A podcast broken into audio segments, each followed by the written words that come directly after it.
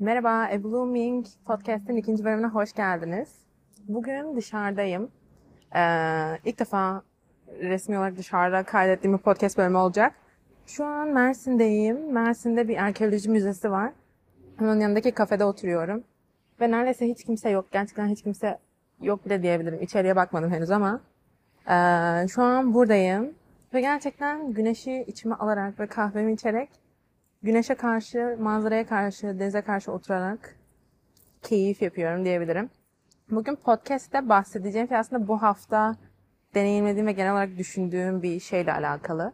Ee, şöyle bir fikir düşünüyorum yani kendi içimde aşamalarına e, girdiğim çıktığım bir düşünce yapısı. Ee, bazen her şeyin eğitimini almamıza gerek yok. Ee, her şeyde profesyonel olmak zorunda değiliz. Eğer keyif alıyorsak ve hani o anda hissederek içimizi doyurarak e, herhangi bir eylemi çizim olur, e, bir enstrüman çalmak olur. E, o tarz bir hobinizle, hobi diyelim evet, hobiyle ilgileniyorsanız bunda profesyonel olmak zorunda değilsiniz. Sadece keyif alarak yapabilirsiniz. Bunu benim kabullenmem o kadar zor oldu ki ve hani e, bunu fark etmemin ilk aşaması e, İstanbul'daki gezimde Arter Müzesi'ndeydim, Modern Sanat Müzesi. İnanılmaz keyifli bir gün geçirdim Arter'de. Sanırım Perşembe günü mü gitmiştim? Gününü hatırlamıyorum ama tüm günü bilerek Arter'e adadım. E, çünkü öncesinde gittiğimde çok e, uzun uzun gezememiştim. Bu sefer dedim ki hem hava biraz bozuktu. Dedim ki hem kapalı alanda geçirmiş olurum hem de tek başıma acelem yok. Doya doya tüm e, müzeyi gezebilirim. Hepsini tamamen gezemedim çünkü birkaç sergide çok takıldım. Takıldığımdan kastım şeydi hani iyice içime işleyerek e, eserleri bazılarının önünde yarım saat kalarak bunu önceki bölümde de bahsetmiştim. O biçimde inceleyip deneyimlemeye çalıştığım için e, biraz zaman aldı. Ama tüm günüm oradaydı. Konuya nasıl bağlayacağım ve bağ, yani ileteceğim size düşündüğüm şeyi. Orada gezerken bilerek telefonumu bıraktım ve e, not defterimle gezdim. Ben profesyonel bir çizim bilgisine sahip değilim. Sadece mimarlık eğitiminde, iç mimarlık eğitiminde teknik resim çizgimiz vardı, çizimlerimiz vardı. Onun dışında daha öncesinde bir yağlı boya kursuna gitmiştim kuzenimle. Ee, onun dışında da genel kendim böyle karalamalar, eskizler yapmaya çalışıyorum ama hani belirli bir amaca dair değil. Ee, not defterimle, sketchbook'la geziyorum. Hani o an aklıma gelen bir şeyi karalıyorum ya da gördüğüm bir şey çizmeye çalışıyordum ama genelde aklımdan ilerlemeye çalışıyorum. Hani hayal gücümü, o karışan mesela rüyalar ya da atıyorum gördüğüm bir şeyi biraz daha soyut bir şekilde aktarmaya çalışıyorum. Bazen müziğin ritmiyle e, birkaç e, çizgi atıp onun üzerine ilerlemeye çalışıyorum. Bunu sulu boyada denemiştim. Sulu boyada da bir profesyonel değilim ya da hani iyi, aşırı iyi olduğumu söyleyeceğim bir yön değil ama e, diğer nokta şu, iyi olduğumuzun kıstası nedir? Estetik bir görüntü olması mı yoksa e, diğerleri tarafından beğenilmesi mi ya da hani bir teknik e, teori üzerindeki e, rotaları, hatları, yöntemleri takip ederek ilerlememiz mi? Yani sanatın iyi olmasını ya da mesela ben bunu sanat olarak adlandırıyorum. Hani çizdiğimiz ya da çaldığımız ya da okuduğumuz, seslendirdiğimiz şeyi e, iyi olması hangi kıstasa dayanıyor? Ve iyi olması gerekli mi? Ben iyi görüyorsam iyi mi? Gibi e, soruları düşüne düşüne e, içine girip çıkarak hani biraz onu deneyimlemeye çalışıyorum hani yanıtları ve bana verdiği hissi, anlamını. E, ama aynı zamanda da okuduğum kitaplarda mesela hani e, çok fazla düşündüğün zaman çok fazla şüpheye de girebiliyorsun. Çünkü e, iyi olup olmamasını sorguladığımız şey aslında bizim bence şüpheye düştüğümüz e, alan oluyor. E, ama şöyle bir durum daha da var. E, inanmak yüzeysel olarak devam edebiliyor. İnanmak iyi bir şey. Ama inanmak tamamen yüzeyde kalıyor ve hani sizi içten olarak e, çok doldurduğunu ve yani ruhtan ilerleyen böyle ruhu besleyen bir motivasyon verdiğini düşünmüyorum ve kitapta da aynısını bahsediyordu biraz. Ee, daha sonrasında geçtiğimiz konularda, ilerlediğimiz konularda kitapta bahsettiğinde mesela e, güvenin şüphesiz olmayacağını, güven, güvenin hani şüphe olmadan oluşamayacağını, bir noktada şüpheyi deneyimlememiz gerektiğini ve şüpheyle güvenin arkadaş olduğundan bahsediyor. Ee, bu da çok doğru çünkü eğer sen e, o sorgulama evresine düşüp bir şeyler öğrenip ya da hani acısını çekip veya iyiliğini yaşayıp anlamazsan, kavramazsan tam olarak güvenme noktasına gidemiyorsun. Aslında bir noktada da şeyden bahsediyordu hani e, acı çekmen lazım veya hani bu tamamen mazoşist ya da o, tarz bir kavramları tam doğru kelimelerini belki ifade etmiyor olabilirim ama hani o tarz bir karanlık noktada değil de hani e, işte yaşla gelen ve hani genel deneyimlerle birlikte gelen bir hani bunu öğrendim bir daha yapmayacağım veya bunu öğrendim şöyle daha iyi noktaya gideceğim gibi düşündüğümüz bir alandan bence çıkabiliyoruz e, şüphenin içerisinden e, ya da şüphenin oluşumu daha doğrusu.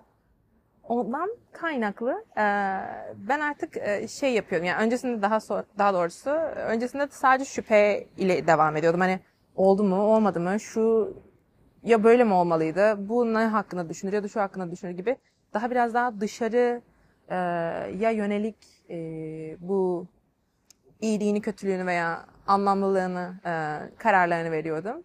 Ama bu çok e, karmik bir döngüye giriyor. Sürekli şüpheye düşmek. Şimdi kitapta da okuduğum bölümde çünkü kitapla çok bağlantılı bu şu an vardığım düşünce yapısı. O yüzden kitap üzerinden de gidiyorum. Ee, şundan bahsediyordu. Hani şüphe iyi, e, şüphe besliyor, anlamamızı sağlıyor. Güvenmemizdeki, ya güven sağlayacağımız aşamaya bizi itiyor, iten bir güç.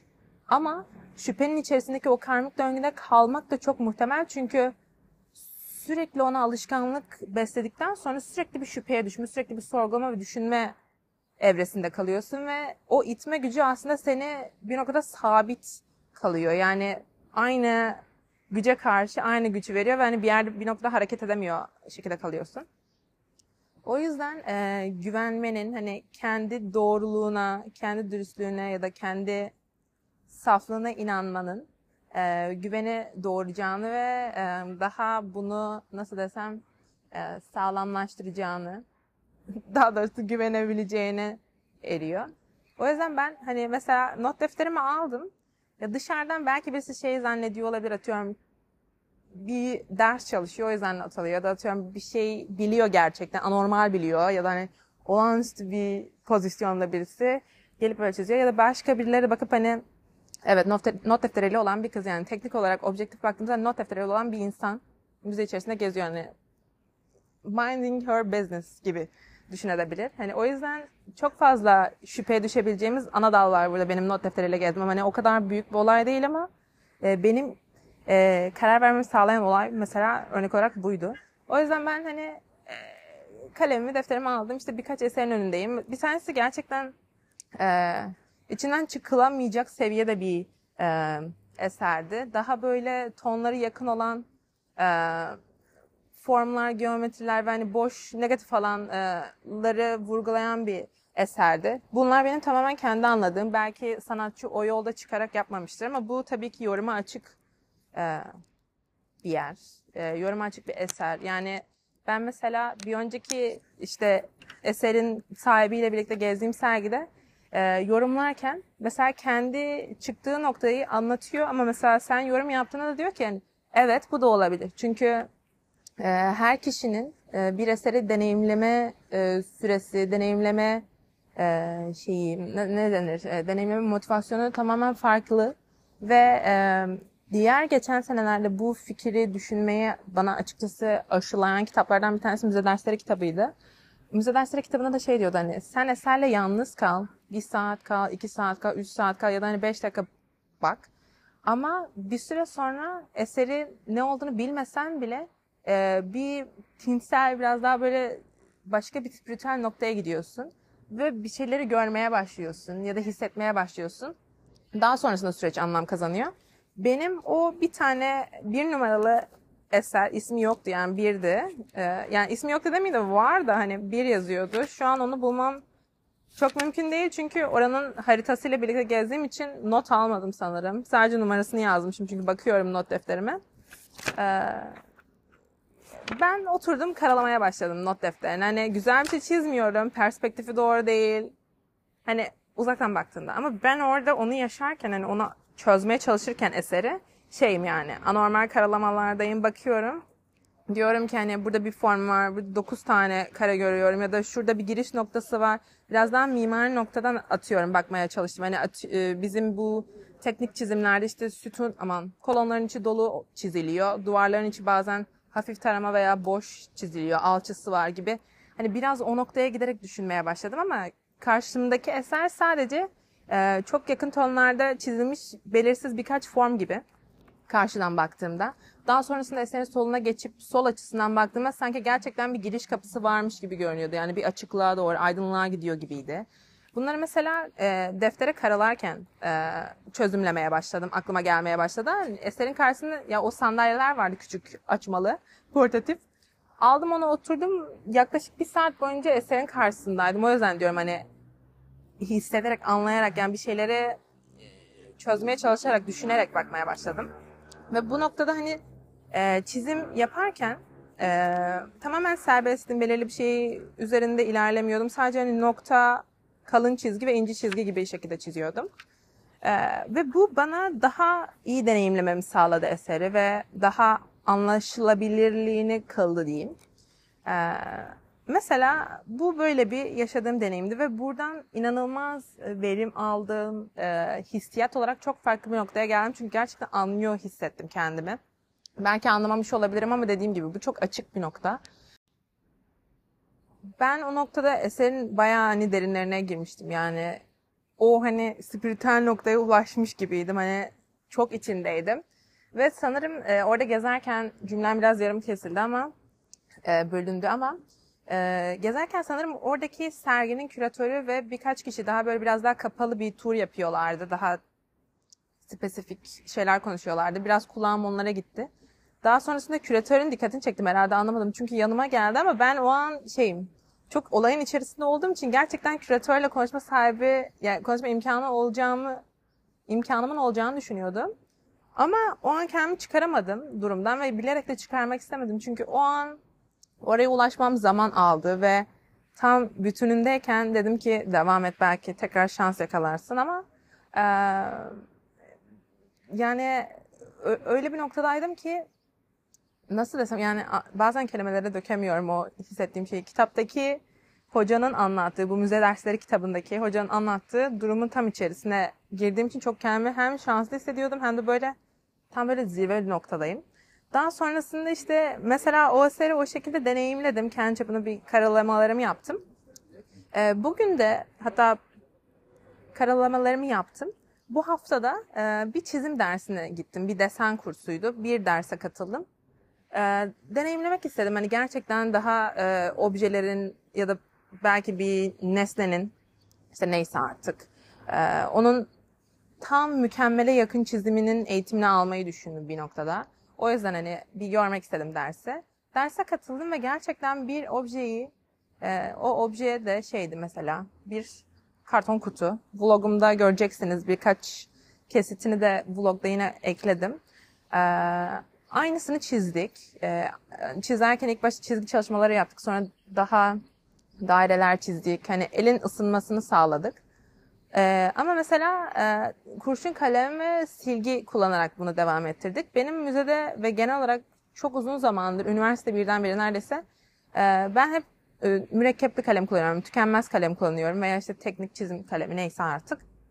Bizim bir hocamız vardı. Hep bize karalama yaptırıyordu. Hani ve silmeden üzerine karalayarak devam etmemizi vesaire söylüyordu. Ve daha sonrasında benim diğer aldığım birkaç ders, kurs, eğitimler biraz daha online, başka konularla bağlantılı olan şeylerde genellikle silgi kullanmadan hani üzerine giderek çizmeyi ben öğrenmiştim ve o bana daha çok haz verip daha e, kendimi serbest bırakabilmemi sağlamıştı açıkçası. Tek bir kalem kullanıp ve silgi kullanmamak.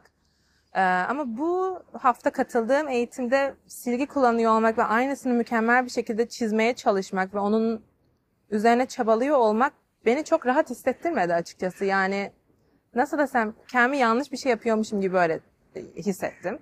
Ve bu benim kendi öğretilerim doğrultusunda e, hissettiğim bir e, şey, histi, bir bulunduğum bir durumdu. Ve bunu devam ettirmek istemedim çünkü şu anki noktaya kadar geldiğimde bu kendimi serbest bırakabilme hissi, e, bulunduğum konum fark etmeden veya bulunduğum eserin mükemmelliği veya soyutluğu ya da daha e, titiz bir çiziminin olup olmamasının e, benim onu deneyimlemem ve aktarmam sürecinde beni serbest e, hissettiriyor olması kısmını kaybetmek istemedim onu kaybedeceğimden korktum bir tık. Ondan dolayı e, de- devam etmek istemedim kursa ve kursta keyif alamadım. E, o yüzden düşündüm ki ben bir şeyi, bir eseri bu noktada öyle söyleyeyim. E, çünkü konum oydu. Eseri tamamen deneyimlerken ben profesyonel olarak deneyimle, profesyonel olarak çizerek deneyimlemek istemiyorum. Benim kendi hissettiğim yöntemler, hisset, doğru hissettiğim yöntemlerle kendimi en serbest bırakabildiğim, tam böyle e, sınırlarımı belirlemediğim, sınırların ve belirli bir kıstasların olmadığı alanda karalama yapabiliyor olmak, ola, olabilmek beni e, daha e, yaratıcı hissettirdi, daha sanatla bir bütünmüşüm gibi hissettirdi. O yüzden e, bu hafta bunun bir tık daha farkındalığına varıyor olmak hem de o müzedeki hissettiğim durumla bunun bağlantısını kuruyor olmak bende böyle bir düşünce açığa çıkardı. O yüzden e, her ne kadar bir noktada takıntılı olsam da hani işte ben şu perspektifte çizmek istiyorum, şöyle güzel eskizler olsun istiyorum ama hani estetik görüntüsünün olduğu bir şeyi artık yaratmak istemiyorum. Daha e, sürecin içerisinde deneyimlerken oluşan bir şeyi paylaşmak veya e, o deneyim süresince yaratılan şeyi yarım da kalsa o anki hisle bir bütün olacak şekilde bırakmak bana daha doğru hissettiriyor.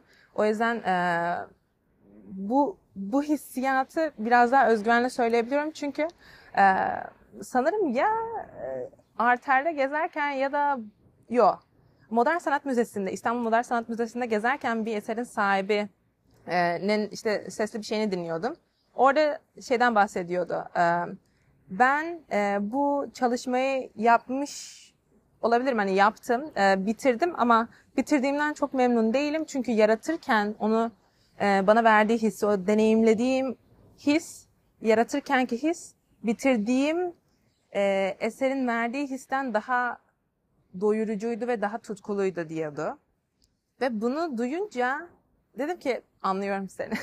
hani ben de öyle hissediyorum. Yani bu benim yayınladığım, lansmanını yaptığım herhangi bir sergi, eser, fotoğraf bir şey olmayabilir ama gerçekten bir şeyi oluştururken ki yaşadığım o deneyim hissi, o zaman diliminde, zaman zaman çok illüzyon bir şey ama hani o anki yaşadığım deneyimin hissi bitirdiğim bir işin bana verdiği hissen daha eee, önemli geliyor artık. Hani şu an öyle bir düşünce yapısındayım. Bakalım bu değişecek mi bilmiyorum. O yüzden bunu biraz da kayda almak istedim.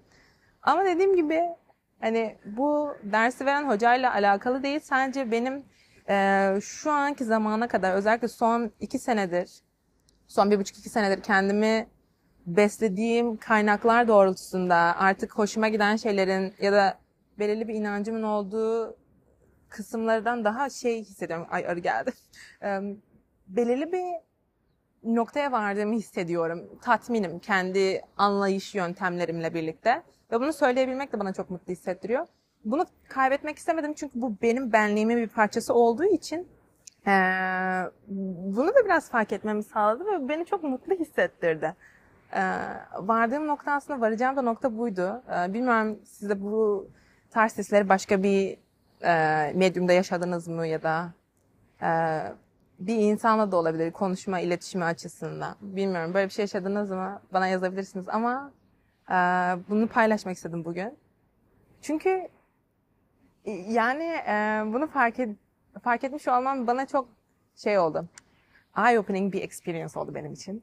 Eee, bunu paylaşmak istemiştim. Bugün biraz daha böyle eee, sessiz tonda daha böyle biraz daha düşüncelerin akışında olduğum bir kayıt oldu ama e, hem bu tarz düşüncelerimi paylaşmak istiyorum hem biraz daha böyle böyle kikir kikir hani böyle tam olayın içerisinde işte bir şeyi an, arkadaşına anlatırken anlatırsın yani o tarz sohbetlerden de çok keyif alıyorum. O yüzden yine kendimi belirli bir sınıra, bir limite tabi tutmayacağım. O yüzden hani o an nasıl hissediyorsam. Çünkü e, gelecekte bir düşünceyle yaşamak veya geçmişteki bir düşünceyle yaşamak değil. Olay şu anki anında, şu anki deneyimlediğin anın nasıl iyi geçirdiğin ve nasıl e, planlamayarak yaşadığını gördüğünde güzelleşiyor bence. Yine e, okuduğum kitapta yani bu Osho'nun Güven kitabında ben Osho'nun kitaplarına aşığım. Yani sevgi kitabı bende çok büyük bir etki bırakmıştı. O yüzden Güven'i okuduğum yani okuyor olduğum için de çok mutlu hissediyorum kendimi. E, şeyden bahsediyordu yani hani planlamadan olan şeylerin olması gerekli. Hani bir kontrolün içerisinde olmadığımızda, kendimizi serbest bıraktığımızda deneyimlediğimiz en has, en saf his ve deneyim olmuş oluyor. Ee, benim yani en büyük hedeflerimden, gayelerimden bir tanesi bir günümde e, bu bir plan değil. Bu tamamen hani bir istek benim için, bir niyet yani. Ee, her anım ya da yaptığım herhangi bir yaratıcı iş olur, çaldığım bir enstrüman olur, konuştuğum bir konu olur. Ee, biraz daha plansız, biraz daha akışına göre ilerlediğim bir e, eylem olmasını istiyorum ve bunları daha değerli buluyorum. Ee, ve bunu da tekrar farkına vardım. Çünkü önceki podcastimin bir bölümünü dinlediğimde şeyden bahsetmiştim hani çok planladım. İşte şunu şunları konuşacağımı yazdım ama e, akışa göre gidemedim. Hani planıma göre gidemedim. O yüzden biraz daha plansız böyle direkt kendimi atıp konuştuğum podcastlerimin bana daha çok keyif verdiğinden hisset, e, bahsetmiştim. Gerçekten öyle yani bu sadece podcast kaydı değil. Hani plansız yaptığım her şey mesela sürekli İstanbul gezisinden bahsediyorum çünkü gerçekten oradaki hissiyat e, tam e, uzun süre boyunca deneyimlemeyi beklediğim ve istediğim bir hissiyat. Yani plansız gittiğim yerlerde çok daha güzel kafeler, çok daha güzel insanlar, çok daha güzel böyle eşyalar karşıma çıkmıştı. O yüzden e, belirli bir e, kendi karakteristik, şu anki benliğimin beğendiği karakteristik e, konuşmalar, sohbetler, insanlar veya hobiler üzerinde ilerleyerek bunları daha o anın içerisinde plansız yaşamak e, istediğim bir dönemdeyim. Umarım bu güzelce devam eder. Çünkü şu an bilmiyorum çok iyi hissettiriyor. Umarım siz de bu şekilde birkaç bir şey deneyimlemişsinizdir. Paylaşmak isterseniz her zaman ben açığım. Bu tarz şeyleri konuşmaya. Ama e, A Blooming'in ikinci sezonundaki ikinci bölüme dinlediğiniz için teşekkür ederim. E, beni takip etmek isterseniz et Defne Dogan e, ana hesabım. Onun içerisinde zaten diğer yerler görünüyor. E, haftalık da YouTube'a bu bahsettiğim şeylerde genelde eşleşen, paralel olan görselleri paylaşıyorum. Biraz daha konuşmak istediğim bir dönemdeyim. O yüzden e, bu hafta yayınlayacağım ve bir sonraki vlogda bayağı konuştum yani. Susmadım neredeyse. o yüzden e, eşlik etmek isterseniz YouTube kanalında Defne Doğan e, izleyebilirsiniz. Hepinize teşekkür ederim dinlediğiniz için. Farkında kalın ve güneşin altında böyle güzel bir yere bakarak veya keyif aldığınız bir şey yaparak oturmak size çok iyi gelecek. Bunu unutmayın. Dışarı çıkıp o hot girl walk'ları işte atıyorum bilmem ne girl, işte clean girl bilmem ne şeylerine isimle cismine bakmadan hissettiğiniz bir şekilde güzel bir yürüyüş, güzel bir çay içiş olsun. Yapabilirsiniz. Mutlaka size daha iyi hissettirecektir. Sizleri seviyorum. Kendinize iyi bakın. Bye.